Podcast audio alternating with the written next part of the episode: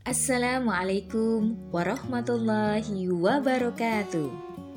Hai sobat muslimah, kita jumpa kembali dalam podcast Narasi Pos Media. Kali ini bersama saya Titis dalam rubrik Family dengan tema Memelihara Kewarasan Emak Rempong. Karya Novida Sari Eskom. Apa kabarmu para ibu hari ini? Apakah visi misi parenting yang dulu dihayalkan masih berada di jalur tujuan? Ataukah mungkin mulai luntur seiring dengan kesibukan harian yang tak pernah habis? Tidak dapat dipungkiri memang betapa sulitnya menjaga tujuan untuk memiliki anak yang soleh, sukses dunia akhirat, tetap on the track. Pasalnya, kesibukan harian di dapur, sumur, dan kasur begitu menyita waktu, tenaga, dan pikiran. Belum lagi bagi emak berdaster yang memiliki anak rapat, masih belum mandiri, dan bisa jadi punya bayi lagi karena suami lebih sering di rumah sebagai efek dari pandemi. Ya, pandemi telah mengubah tatanan kerempongan ibu-ibu di rumah Anak yang tadinya sekolah luring sekarang malah daring. Yang tadinya bisa bertempur dengan pekerjaan rumah dengan leluasa setelah anak berangkat sekolah, malah tambah profesi sebagai guru dadakan. Mana sekolah tidak pernah tatap muka, belajar hanya via aplikasi yang menggunakan pulsa, emak pun harus menjadi guru yang serba bisa. Akhirnya, kerembongan emak semakin luar biasa, apalagi jika tidak bisa menghadirkan guru dengan mengeluarkan uang jasa. Hal ini tentu semakin menambah lunturnya kewarasan dalam menghadapi realita kehidupan di depan mata. Keep sabar, syukur, dan positive thinking.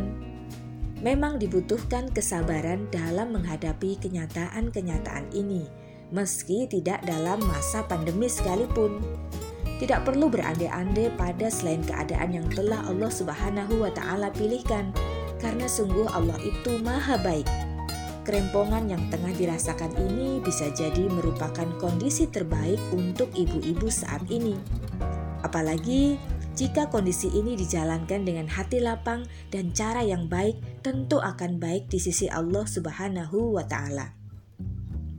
Ternyata ada peluang untuk mendapatkan investasi pahala yang luar biasa, seperti yang pernah diriwayatkan oleh As-Sa'alabi dari Ummul Mukminin Aisyah radhiyallahu an bahwa Rasulullah shallallahu alaihi wasallam pernah bersabda, bahwa tidak ada yang pantas bagi seorang istri yang membenahi kondisi rumah kecuali Allah Subhanahu wa taala akan mencatat aktivitas itu sebagai kebajikan yang akan menghapus dosanya lalu meninggikan derajatnya. Bahkan Hadis dari Abu Hurairah radhiyallahu an yang diriwayatkan oleh Ibnu Hibban dalam sahihnya bahwa Rasulullah shallallahu alaihi wasallam mengatakan bahwa seorang perempuan dapat masuk surga dari pintu mana saja yang dikehendakinya tatkala melakukan sholat lima waktunya, melaksanakan saum pada bulannya, menjaga kemaluannya, dan menaati suaminya, maka ia akan masuk surga dari pintu mana saja ia kehendaki. Masya Allah, kondisi ini ternyata membuat ibu rempong menang banyak. Oleh karenanya, jaga kesabaran hingga kata bosan, jenuh, dan letih tidak membuat ibu kehilangan kewarasan. Kemudian, bersyukur akan nikmat rempong yang sedang dicicipi. Syukur itu dapat membuat hati menjadi lapang Bahkan, syukur dapat mengikat nikmat. Sebagaimana perkataan Ibnu Qayyum, seiring kita bersyukur, maka rantai keberlimpahan nikmat tidak akan putus, sebab syukur adalah pengikat nikmat agar tidak lari. Ketahuilah, tidak semua orang memiliki kesempatan seperti yang kita rasakan. Ada banyak pasangan yang telah menikah di luar sana yang melihat dengan iri atas aktivitas kita pada saat ini. Mereka ingin memiliki anak, tetapi belum juga dikaruniai oleh Allah Subhanahu wa taala. Atau malah ada yang belum memiliki pasangan hidup padahal usia telah matang. Oleh karenanya, syukur harus senantiasa dipupuk dalam diri. Aplikasi syukur dapat ditumbuh biakkan tatkala kita menyentuh, mencium, memeluk, dan membersamai mereka. Sesekali, tataplah wajah anak-anak yang lahir dari rahimmu itu ketika tidur sambil memuhasabahi kegiatan pengasuhan di sepanjang hari.